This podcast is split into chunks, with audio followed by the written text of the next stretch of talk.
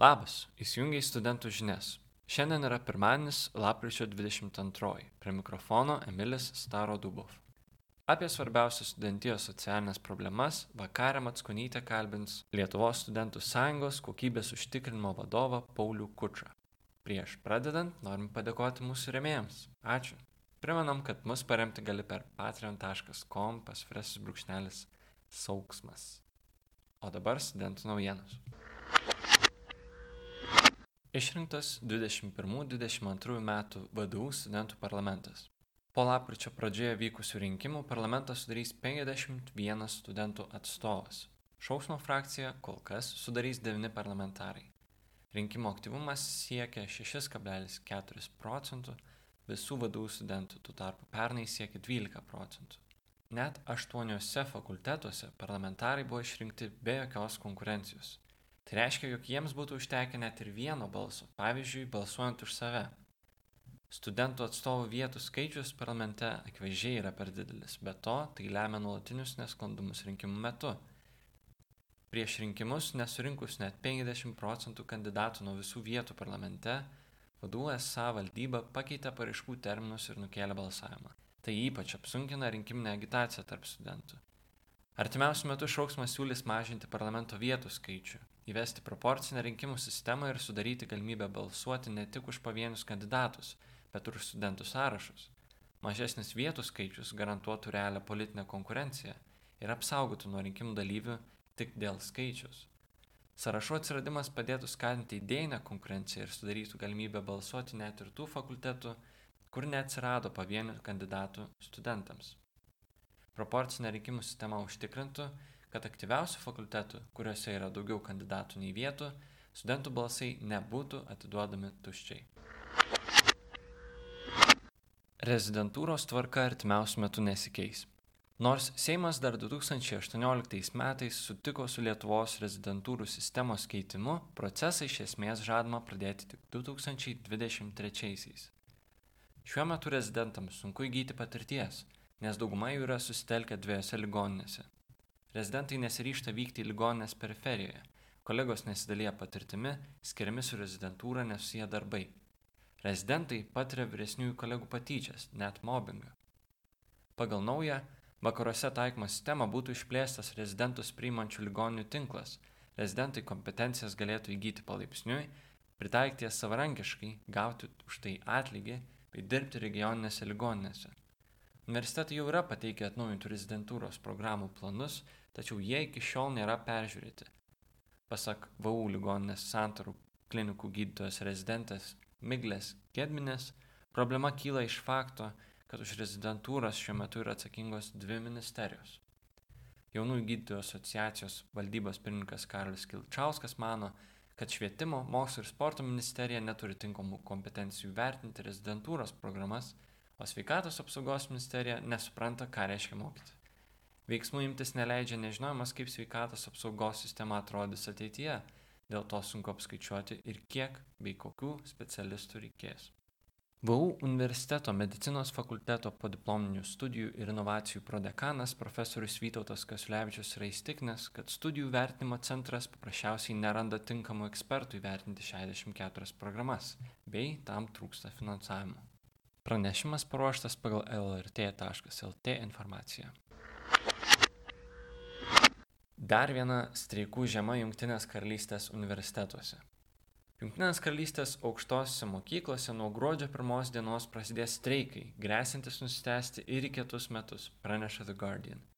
Universitetų ir koledžų sąjunga paskelbė, kad jos nariai 58 institucijose nedirbs 3 dienas iš eilės siekdami sustabdyti pensijų mažinimą, padidinti atlyginimus ir pagerinti darbo sąlygas. Minėtos 58 aukštos mokyklos kartu su dar šešiamis nusprendė dirbti tik darbo sutartyje nurodytomis valandomis ir nebeapsimti papildomų atsakomybių. Ši kolektyvinė interesų gynimo iniciatyva taip pat prasidės gruodžio 1. Tačiau sąjungos teigimu truks neribotą laiką. Universitetų ir koledžų sąjungos generalinis sekretorius Joe Grady teigia, Kol mes siūlome pragmatiškus sprendimus, kurie sustabdytų aukštose mokyklose augančias problemas, universitetų vadovai atsisako atšaukti nebūtiną, nepagristą pensijų mažinimą, ar bent jau dėrėtis dėl aukštai mokslo užkrėtusių problemų, tokių kaip trumpalaikės darbos sutartis ir nepakeliamai aukštas darbo krūvis. Nors streikuojančiose aukštosiose mokyklose mokymas procesas bus nutrauktas, Nacionalinės studentų sąjungos apklausa parodė, jog iš 1600 apklaustų studentų 73 procentai yra už ir tik 9 procentai prieš streiką. Šiandienos pokalbėje Vakarė Matskonytė nagrinės studentijos socialinės problemas, prastą valstybės remiamų studijų paskolų sistemą, socialinę neligybę aukštame moksle, užsienio studentų problemas ir tai, kaip Lietuvos studentų sąjungai šias problemas sekasi spręsti. Sveiki, šiandien kalbuosi su Lietuvos studentų sąjungos kokybės užtikrinimo vadovu Pauliumi Kučiu. Labas, Pauliu. Sveiki, malonu. Paskutiniu metu Lietuvos studentų sąjunga vis dažniau kaip vieną opiausių studentijos problemų įvardyja socialinę dimenciją. Kas yra socialinė dimensija ir kuo ji mums svarbi? Kas paskatino LSS atsigręžti į šią problematiką, kokias esminės socialinės dimensijos problemas šiandien pastebite tarp studentų? Socialinės dimensijos konceptas e, kilo, kaip žinote, iš Bolonijos proceso. Bolonijos procesas tai yra savanoriškas ministrų atsakingų už aukštą mokslo daugia šalis bendradarbiavimas. Tai iš tikrųjų Europos studentai žaidė labai svarbu vaidmenį, siekiant įtraukti į Europos aukšto mokslo erdvės politiką socialinės dimensijos sampratą.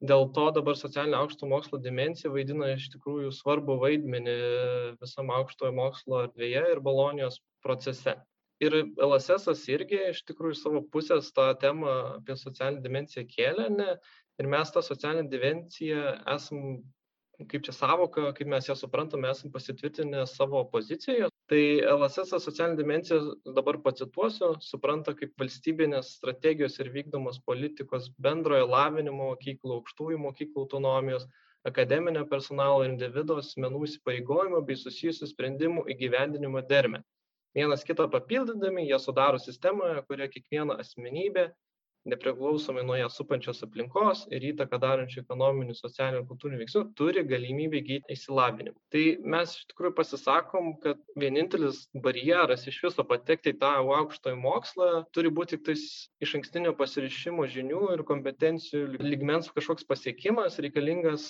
studijuoti labai svarbu iš tikrųjų kad valstybė ir aukštosios mokyklos turėtų tam tikrus įrankius kurie galėtų rinkti tą informaciją apie pažeidžiamas grupes ar mažiau reprezentuojamas grupes ir pritaikyti tam tikras priemones kurios tuos barjerus panaikintų. Iš tikrųjų tų grupių gali būt pažeidžiamų visokių nu tai vyresnio amžiaus žmonės ar ne mes turim situaciją kai šiuo metu didžiąją dalį studentų sudaro iš tikrųjų jauni žmonės ar ne ir kažkodėl vyresnio amžiaus studentai ne nu jų nėra yra apie gal tis tikrai mažas procentas ir tada kyla klausimai kodėl galbūt ten yra stojimo reikalavimai kažkokie nelankstūs nėra alternatyvių kelių ar ne įstoti į aukštąjį mokslą. Galbūt kultūriškai pas mus yra susiformavę taip kad ar ne po mokyklos tu iškart turi studijuoti. Taip pat ar ne grupė tokia žemo socialinio ekonominio statuso ar ne studentai kurių iš tikrųjų sudaro tik trisdešim procentų visų studentų du trečdalius sudaro aukšto arba vidutinio socialinio ekonominio statuso studentai.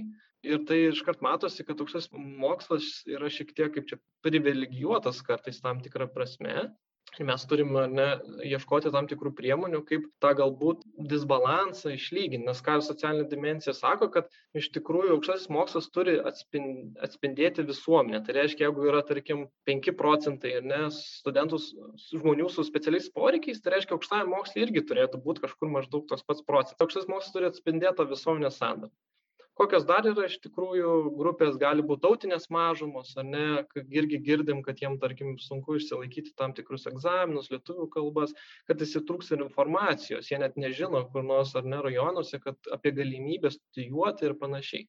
Taip pat yra našlaičiai ar ne kurie galbūt neturi savo tėvų paramos kažkokios ar tai finansinės ar tai kažkokios tiesiog kaip psichologinės tos pagalbos. Tada tarkim asmenys būna kurie neturi kurie turi tėvus, bet tie tėvai yra be aukšto išsilavinimo. Tai ką tai reiškia, kad tiesiog jo šeimoje nėra priimta ir nėra netgi patirties kažkokios, kad kažkas studijavo aukštąjį mokslą. Ir dažniausiai gaunasi, jeigu tėvai nestudijavo aukštąjį mokslą, jie irgi sako, kad savo vaikams, kad kam jums čia reikia, mes čia va, gerai ir taip gyvenam, bet to aukštojo mokslo. Ir gaunasi formuosi tas kultūrinis toks požiūris. Taip pat galima prizmį pažiūrėti tarp vyrų ir moteris, ar ne, kad mes matom, kad moterų daugiau studijų, ar ne, reikia gilintis, kodėl galbūt vyrai nesirinka aukštąjį mokslą, ten stojantis po profesinio, po profesinio mokymo, kilę iš regionų, turintys vaikų, kas irgi labai aktualu, ar ne, kad labai yra sunku suderinti turint vaikų ar ne darbą, viską, ir jeigu tu dar nori aukštai mokslus, tai yra ypač sunku ir, ir tikrai pasitaiko atveju, kai tiesiog, kai studijuoja žmogus susilaukia vaiko,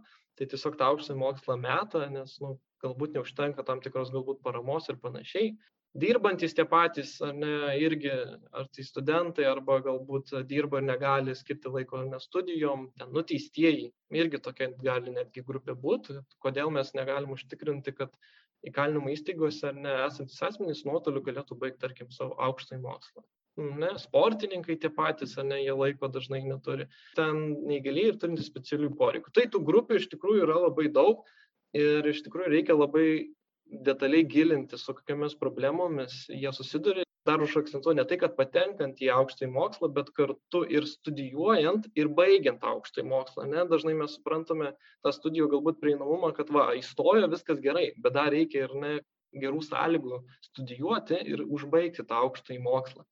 Tai socialinė dimensija ir apima tą visą mechanizmą, sprendžia tas visas tuos etapus, tas problemas ir panašiai kuo galiu iš tikrųjų irgi pasidžiaugti, kad LSS nuo 2019 metų turi tą poziciją ir, ir tą temą iš tikrųjų judina ir pagaliau yra atsiradę ne aukšto mokslo politikoje Lietuvos ne tema apie socialinę dimensiją. Ir šiuo metu yra jau oficiali darbo grupė švietimo mokslo ir sporto ministerijos, kuri dirba link socialinės dimensijos plano kūrimo joje yra ir, aišku, Lietuvos studentų sąjungos atstovas, yra Vilniaus universiteto studentų atstovybės atstovas. Labai iš tikrųjų džiaugiamės, kad pagaliau po tiek šnekų ir panašiai ta tema yra judinama ir mes manome kad jeigu tas planas socialinės dimensijos bus kokybiškai atidžiai padarytas tai jis išspręs labai daug turėtų bent jau pradėti spręsti ir laikui bėgant išspręs labai daug problemų su kuriomis ir jūs kaip šauksmininkai kalbat ir lss kalba. Labai tikimės kad viskas bus gerai ir kad mes ta tema mes jais tikrai įsitrauksime ir ir stengsimės kad socialinės dimensijos planas būtų kuo kokybiškesnis, kuo daugiau atlieptų mm, studentų siūlymų ir spręstų kuo daugiau tų studentiškų problemų. LSS teigia, kad reikėtų gerinti valstybės remiamų paskolų prieinamumą ir tai padėti studentams pragyventi studijų metu. Dabar dėl prastų sąlygų tik apie 6 procentai studentų pasinaudojo šiomis paskolomis. Kaip vyksta paskolos gavimo ir gražinimo procesas, su kokiamis problemomis susiduria studentai norėdami pasiimti paskolą? Dėl studijų ne paskolų valstybės remiamos paskolų tai lietuvos studentų sąjunga iš tikrųjų jau ne pirmus metus kelia tam tikrus klausimus kaip tą paskolų sistemą pagerinti. Šiuo metu ta sistema galbūt nėra kažkokia labai bloga bet ir nėra tikrai gera nes tik tik šeši procentai studentų ima tas paskolas. Ir tos paskolos yra irgi trijų rūšių jeigu žinot ar ne paskola studijų kainai sumokėti paskola gyvenimo išlaidom ir paskola net studijuojant užsieny tikrai yra tam tikri limitai kiek gali tų paskolos pasiimti bet yra padaryta mūsų vienas iš siūlymų irgi anksčiau čia buvo kad tu galėtum paskolą ar ne pasiimti tiek kiek kainuoja ne studijom ar ne ir ten jeigu jos ir kainuoja tarkim yra pilotų ar ne jos kainuoja ten tikrai labai brangiai ir ta būdavo anksčiau maksimali suma kurią galėdavai pasiimt paskolą bet jeigu tavo studijos tiek kainuoja tai tu tą tarkim sumą gali tikrai perlipti. Bet jeigu žiūrint ar ne ar studentui apsimoka galbūt tos paskolos imti čia galima vertinti ir vienaip ir kitaip. Jeigu paimam ar ne tūkstantį penkis šimtus eurų paskolas tai turėt tarkim turim grąžinti ne per penkiolika metų du tūkstančius du šimtus keturiasdešim eurų ir paskolą galima pasiimti iš tikrųjų rudenį ir pavasario semestre tai tai tai yra tam tikras irgi lankstumas o paskola pati pradedama grąžinti realiai po metų baigus studijas. Bankas sudaro tau tam tikrą mokėjimo grafiką ne, ir tu realiai po truputį gražini tas paskolas, tai iš pradžių tos palūkanos būna didesnės, ką tai reiškia, tiksliau tu moki daugiau nuo to, kiek pasiskolinai, tiek tu ir moki. Tai jeigu tu pradedi gražinėti, tai kaž, kažkiek laiko vis tau reikės mažiau gražinti, nes tiesiog tas procentas ne nuo palūkanų, nuo tavo pasiskolintos sumos automatiškai mažės. Tai realiai per 15 metų ta suma tai yra gražinama viskas kaip ir gerai, bet problema ne viena būna tokia iš studentų, ką jie irgi dažnai mums sako ir ką mes uh, irgi teikiam siūlymus švietimo ir mokslo ministerijai. Tai tarkim, pildydami prašymą, ne, gauti paskolą ir panašiai, uh, problema gaunasi, kad ten reikia pažymėti, ar valstybė gali kompensuoti uh, palūkanas. Ne? Tai ar tu nori, kad jį kompensuotų ar ne dažnai dažnas studentas galbūt dėl informacijos trūkumo ar panašiai nežino, kad valstybė visų pirma gali studijų metu finansuotas tau palūkanas, o kitas dalykas, kiti įsivaizduoja, kad kartais tas palūkanas, kurias kompensuos, reikės vis tiek gražinti ir nepažymti. Tai čia labai toks techninis klausimas, mes irgi siūlom, kad tiesiog tau automatiškai tas palūkanas studijų metu apmoka valstybė ir tau nereikia tuo realiai visiškai rūpintis. Tai čia toks vienas iš techninių tokių siūlymų. Kitas mūsų siūlymas, ką mes ir jau labai ilgai sakom, tai kad gal ne tai, kad labai ilgai, bet esmė paskutiniu metu, kiek ta tema yra, tai kad e, mes siūlom susijęti valstybės remiamų paskolų gražinimą su vidutiniu darbo užmokesčiu. Čia gali būti įvairių variantų. Vienas iš variantų, kad tarkim, nuo tavo pajamų ar ne, jeigu tu pasieki vidutinį darbo užmokestį šalies, nu, tarkim, kažkoks procentas ar ne nuo tavo pajamų tada pradeda skaičiuotis ir gražinama, tarkim, pas paskolai, ne tavo paimtam. Kitas variantas yra, kad kai tu pasieki tą vidutinį darbo užmokestį Lietuvos, tu tiesiog automatiškai tau sudaromas, tarkim, mokėjimo grafikas ir tu pradedi gražinti paskolą, ar ne? Tai ką tai duotų šitas siūlymas, tai kad studentai nebijotų e, galbūt pasimti paskolą, nes, nes ką strata ar netyrimai rodo ir mūsų, kad studentai iš tikrųjų tikrai imtų paskolą, jeigu tas uh, gražinimas būtų susijęs su pajamomis. Tai jeigu tu ar ne tu nesi tikras ar po studijų tu pasieksi tam tikras pajamas ane tu gali tikrai ne nesijaudint nes tu žinai kad tau nereikės pradėt grąžint. Tiktais tu pasieksi tą lygį ar ne tu iš karto pradėsi ir tau tikrai nebus kažkokia galbūt didelė našta arba panašiai nes vis tiek jeigu tu uždirbi vidutinį šalies uh, uždarbį tai nėra kažkokia labai super didelė suma kurią kuri tau galbūt uh, bus sunki gražinti ir panašiai. Tai tiesiog po truputį tas gražinimas prasidėtų ir manau studentai tikrai galėtų be baimės galbūt imti ir jausti saugiai ir tas, kai studijuotų, jie nereikėtų jiem papildomai dirbti ir panašiai. Kitas dalykas, ką irgi mes kalbėjom apie tą socialinę dimenciją, kad, kad tos yra pažeidžiamos grupės tam tikros. Tai mes tarkim siūlytume ir pasiūlėme kad tarkim tam tikrom pažeidžiamom grupėm nu, tarkim studentai su negalia našlaičiai studentai iš mažo socialinio ekonominio statuso šeimų jiem būtų ne visos sutarties metu būtų padengiamos tarkim palūkanos. Nu kad esmė tu pasiėmei tarkim tūkstantį eurų tai tūkstantį eurų reikės grąžint ar ne tai tiesiog kad būtų tam tikras jautrumo aspektas žinant tai kad mm, kad tiesiog jie susiduria, nu, jiem yra sunkiau ir jie turi tam tikrus uh, sunkumus galbūt ir, ir po studijų galbūt įsitvirtinant ir panašiai, ir jų pajamos gali tikrai būti mažesnės negu įprastai. Tada kitas mūsų siūlymas susijęs irgi su specialiųjų poreikių studentams. Tai dabar šiuo metu, jeigu tu turi 45 procentų arba mažesnį darbingumo lygį, tu gali būti atleidžiamas nuo paskolos iš dalies arba pilnai mm, atrodo viskas gerai, bet jeigu aš turiu 46 procentų darbingumą, tai reiškia, kad viskas, aš ne, ne, negaliu, e, vad, negaliu kreiptis ne, dėl tos paskolos atleidimo ir panašiai. Tai mūsų irgi siūlymas, kad praplės tą ratą, kurie būtų atleidžiami. Taip, ir dar vienas irgi dalykas, ką LSS yra siūlęs, kad jeigu tu baigi studijas, nepradedi gražinti tą paskolą ir kartais įvyksta gyvenime nu, visokių netikėtumų ir panašiai. Tai mes siūlome kad tiesiog studentas galėtų tiksliau baigęs ane asmuo studijas galėtų tiesiog sustabdyti metam paskolos grąžinimą Ką tai reiškia, tiesiog jam atėjus nesunku momentui, va, buvo tas pats, nežinau, koronavirusas, karantinai, galbūt kažkokios pajamos sumažėjusios. Tai, kad tiesiog jis pasako, va, bankui, kad aš susistabdau ir aš, tarkim, turim penk, tris kartus ar penkis kartus tokį susistabdymo galimybę. Taip, šiuo metu tu gali paprašyti banko, bankas ap, apsvarstys tą, bet tai nėra garantija, kad jis tau suteiks. Gal dar sustabdymo galimybę paskolos gražinimo turi valstybės tas studijų fondas, bet jis turi, turi atitikti tam tikrus reikalavimus, tai reiškia, kad tavo pajamos turi per kažkokį laikotarpį būti ten mažesnės tiesiog negu yra nustatytos. Tokie yra mūsų siūlymai.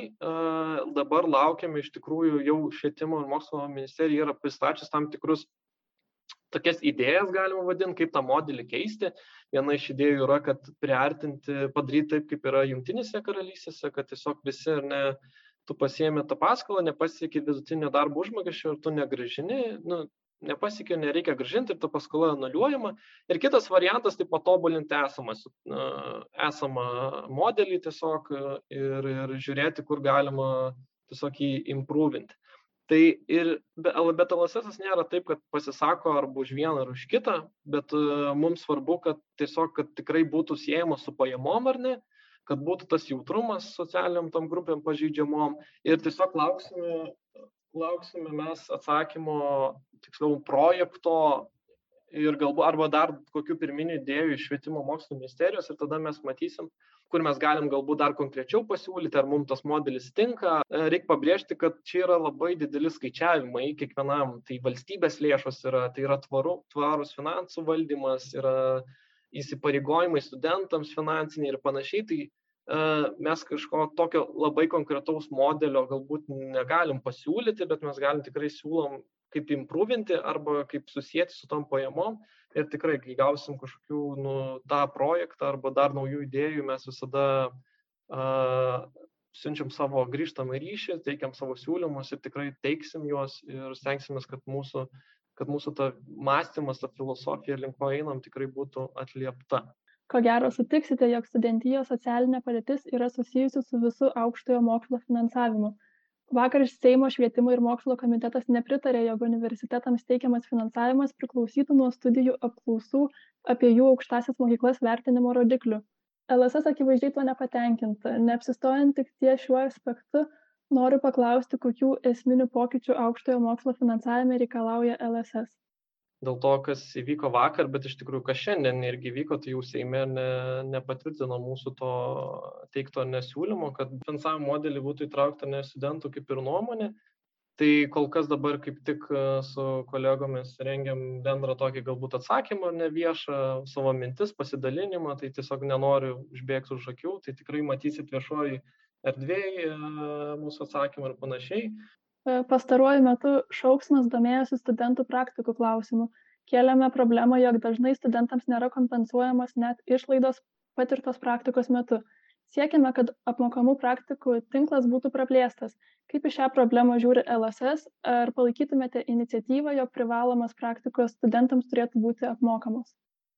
Kaip ir minėjau pradžioj, ne, tai yra socialinės dimensijos visas uh, planas, kūrimas. Ne, ir po tuo planu tikrai daug kas gali palysti ir tikrai palys ir jis spręs visas tas paramos studentams problemas ir panašiai. Uh, dabar kaip ir sakau, negalėčiau atsakyti tiksliai šitą klausimą, uh, reikėtų su kolegomis pasiderinti, bet aš manau jeigu tikrai nežinau atsiųsit oficialų galbūt kreipimąsi ar panašiai mes galėtume pateikti jum konkretų atsakymą vien dėl šito. Kokias be prieš tai minėtų problemų sprendžia lietuvos studentų sąjunga su kokiais iššūkiais susiduria? Tai aš galėčiau kalbėt galbūt už savo tam tikras dalis už kurias esu atsakingas. Šiuo metu dirbame ties tarptautiniu studentų padėties galbūt gerinimu tai esam irgi dar ir pateikę tokius pirminius siūlymus. Čia vasarą vidaus reikalų ministerijai, nes jie norėjo atnaujinti užsienio seniečių teisinės padėties įstatymą, bet nu, suprantama, kad dėl esančios dabar situacijos su pabėgėlis šiek tiek tas tie darbai yra sustoję, kol kas dar laukiame vis projekto. Bet tai kokios iš tikrųjų tos problemos tarptautinių studentų jos yra labai aktualios, nes tai čia da, galima sakyti dar viena tokia pažeidžiama grupė, kuria galbūt yra kreipiama per mažai dėmesio. Tarkim, jie susiduria su tokiam problemom, ypač su, tarkim, finansiniam, ar ne, turi mokėti už privatų draudimą, ar ne, kas mūsų manimų galbūt nėra tikrai geras variantas, nes mes siūlom, kad galbūt tai gali būti padengiama kaip ir lietuviam per privalomą sveikatos draudimą, kokia tai forma būtų, ar ten po metų studijų pirmų, galbūt ten dalinai, gal tai kaina mažesnė, bet esmė, kad kažkokie turėtų būti sprendimai, kad ta jų finansinė našta būtų mažesnė šiuo klausimu, nes tokia, tarkim, nemokama sveikatos priežiūros sistema yra Danijoje, ne užsienio studentams. Taip pat jie turi, tarkim, turėti didelės sumas įrodančias, kad jie gali pragyventi Lietuvoje. Mes irgi siūlome, kad sumažint, nes jie kas mėnesį turi turėti minimalų atlyginimą, bet ant popieriaus, reiškia, ten per pusę metų ir per metus tos sumos yra didelės, jie tiesiog tos sąskaitai turi turėti. Taip pat per didelę vizos ir laikino leidimo gyventi Lietuvoje kainą, ar ne, pas mus yra vizos leidimas kainuoja 120 eurų, irgi tas pats su laikino leidimu gyventi. Ton, tarkim, tuo tarpu Estijoje 64 eurų, Švedijoje 97 eurai. Tai mes siūlome irgi sumažinti tas kainas, kad tiesiog nebūtų per daug, nes kai tu atvažiuoji studijuoti, tau reikia išver... dokumentus išvers kainuoja, tada apsigyvent, susipirkti galbūt daiktus kažkokius, sumokėti už tą patį draudimą ir taip toliau. Tai tų problemų tikrai yra, tada administracinių visokių problemų dėl laikino leidimo išdavimo, ar ne, kad ten tarkim, tu atvažiuoji, ten gauni tik dviem metam, tai reiškia, po dviejų metų vėl turi praeiti procesą visą, nors kitose šalyse tu studijuoji, pradedi, tu gauni keturiem metam ir tu gali nesirūpinti.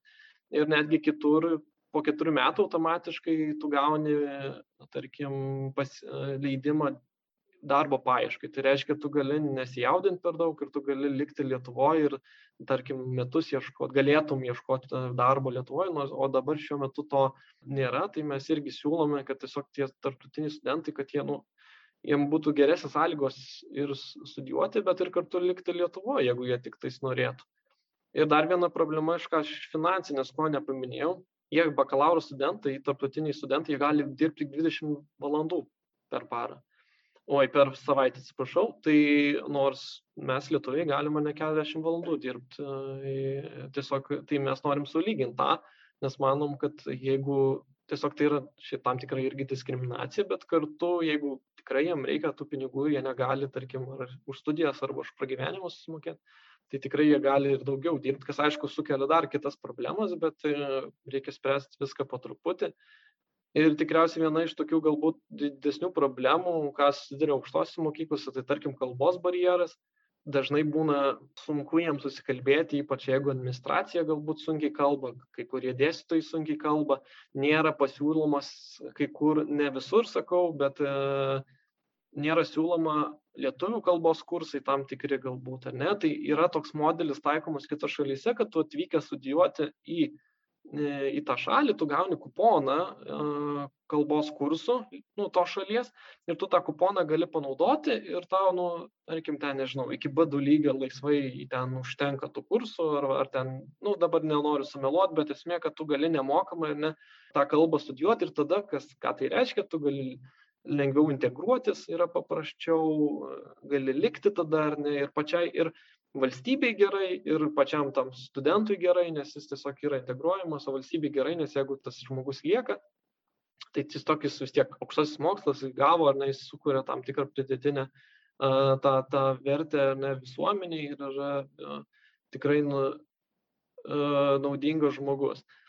Taip pat, kas dar tokia viena iš to kalbos barjerų, tai kad nėra dokumentai tam tikri išversti, ar ne, būna. Netgi pačiam migracijos puslapį kartais ta lietuvių kalba informacija pateikta daugiau jos būna negu, negu anglų kalba. Tai tų problemų yra ir aišku viena iš didžiausių pasibaigiant jau tai yra kainų skirtumas studijų. Kitose šalyse irgi skiriasi, bet nu, tai yra didelis irgi skirtumas, kai vienos studijos, o pati studijų programa kainuoja ar ne užsieniečiai daugiau ar ne žymiai negu lietuvių. Aišku, ten galima sakyti, kad ten anglų kalba ar nedėstytojai yra kalba, jie ten daugiau jie mokėt, galbūt reikia ir panašiai, bet esmė yra tam tikri irgi dalykai diskriminaciniai tam tikrais klausimais, kurį irgi reikėtų spręsti. Tai va, tai mes šiuo metu LSS yra irgi sudaręs darbo grupę, kurioje įsitraukia ir kitos studentų savivaldos ir mes stengiamės dabar sukurti tam tikrą tokią, padaryti didelę analizę, tai reiškia analizuoti dabar esamus visas problemas, kažkokius mokslinius tyrimus, paprastus tyrimus, kažkokius šaltinius ir viską sudėti į vieną dokumentą tokį ir pasiūlyti tom problemom, kurias atrasim, tokius sprendimo būdus. Jau esam iš teisinės padėties daug ką pasiūlę, bet dar yra ir kultūrinė, ir informacinė, ir socialinė,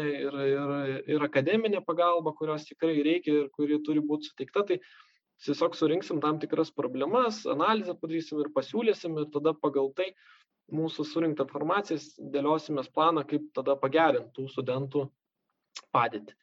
Kita iš tikrųjų dar tema yra ties kuria aš dirbu, tai dėl išsistinių studijų formų studentų diskriminacinių nuostatų. Tai tikriausiai žinot, kad privalomas sveikatos draudimą ir transporto lengvatą, lengvatų negauna ištestinio studijų studentai. Tai tas pats studijos tikios būna šiek tiek ilgesnės. Nors dar reikia paminėti, kad studentas turi teisę pasidaryti studijų planą individualų. Tai reiškia, nuolatinių studijų studentas iš tikrųjų jis gali tiesiog pasilginti savo studijas. Formaliai jis bus nuolatinių studijų student, studentų formoje studijuoja, bet popieriaus tiesiog praktikoje tai jis tiesiog ilgiau studijuos realiai lygiai tiek pat kaip ištestininkas. Tai mums ir kyla klausimas, kodėl yra tam tikra diskriminacija, kai tos studijos faktiškai yra tos pačios, skiriasi tas laikas. Netgi mokslo studijų įstatymas rašo, kad studijos yra nuolatinės formos ir ištestinės ir baigus skirtingų formų studijas įgytas įlavimas yra lygiai vertis. Ne, jeigu lygiai vertis, tai kodėl socialinės garantijos yra skiriasi? Vėl keliu klausimą. Netgi Konstitucinis teismas 19 metais yra pasakęs, jog studijų forma negali būti nedarbo išmokų nemokėjimo pagrindas, nes tai galima laikyti diskriminacija. Nes anksčiau būdavo, kad tu, jeigu esi nuolatinių studijų formoje, tu negalėdavai gauti nedarbo išmokas. Ne? Bet va, Konstitucinis pasakė, kad forma negali būti pagrindu. Tai reiškia, tai yra kaip ir diskriminacija. Ir taip pat irgi dar čia radom su, su kolegomis ten dešimtų metų irgi kaip netgi pati švietimo ministerija palaikė tai, kad PSD tą privalomą sveikatos draudimą būtų, jis būtų mokamas ištestininkams. Tik finansų ministerija tuo metu sako, kad ne, ne, ne, matyt, galbūt pritrūko kokių pinigų, nes finansinė krizė ir panašiai. Taip pat irgi, jeigu žiūrint plačiau, tai yra numatyta iš tikrųjų Lietuvos susisiekimo ir ten Lietuvos aplinkos oro apsaugos įstatymuose visokiuose, kad ir plėtrose ir taip toliau, kad mes turim skatinti, kad Lietuva turi skatinti naudotis viešuoju transportu, turi stengtis mažinti tą taršą. Tai mes ir matome, kad tam, jeigu studentai, ištestininkai, kurių yra apie 16 tūkstančių, dalis iš jų galėtų persėsti ant transporto viešojo, ar ne, tai tikrai laimėtume daug ir su klimato kaita sprendžiant tą, ir spūstis, ir šiaip darniam judėjimą mieste ir panašiai. Tai žiūrim į tą problemą šiek tiek netgi plačiau ir kompleksiškiau tai planuojame iš tikrųjų po truputį pradėti šitą temą kelti, nes yra kelti ne tai, kad tiesiog parašyti, kad yra tam tikra problema, bet aktyviai stengtis lobintis, stengtis, kad atsirastų įstatyminiai pakeitimai ir, ir žiūrėsim, kaip mums seksis, nes jau esam kaip ir surinkę visus tos tokius argumentus, žinom, ko mes, mes, kokius, kokius, su kokiais argumentais eitume tai žiūrėsim. Stengsimės kad e, pavyktų ir manau tikrai nepasiduosim e, tol kol tas pasikeitimas neįvyks nes ta tarkim ypač dėl transporto lengvatų tai tikrai yra jau kariaujama pakankamai ilgą laiką tai norisi tokio kažkokį proveržio iš tikrųjų padaryti tai e, matyt keisim šiek tiek galbūt taktiką ir bandysim kaip nors tikrai per artimiausius kelius metus šitą problemą išspręsti tai va tai su tokiom problemom asmeniškai aš dirbu lss tikrai turi kitų dar temų ir kiti mūsų mano kolegos dirba su kitom ar ne problemom e, ir, ir stengiasi kažką pasiekti ir, ir aš tikiu, kad mes tikrai per šios du metus tikrai daug ką padarysime. Ačiū už pokalbį. Ačiū Jums. Šį kartą tiek. Dėkui, kad įsijungiai. Šį epizodą ruošia Martinas Butkus, Raminta Urbanavičiūtė, Vakarė Matskonytė bei aš, Emilis Stardubov. Kitas epizodas išeis gruodžio viduryje. Su mumis visada gali susiekti per Facebook arba adresu redakcija etasauksmas.net. Lauksim. Iki. Nori, kad visi išeitų į gatves, liūdni proletarai studentai. No, no, no, no, aš netraukiu daugiau, baisu vienam pabust ant grindų. Žinai, kad viskas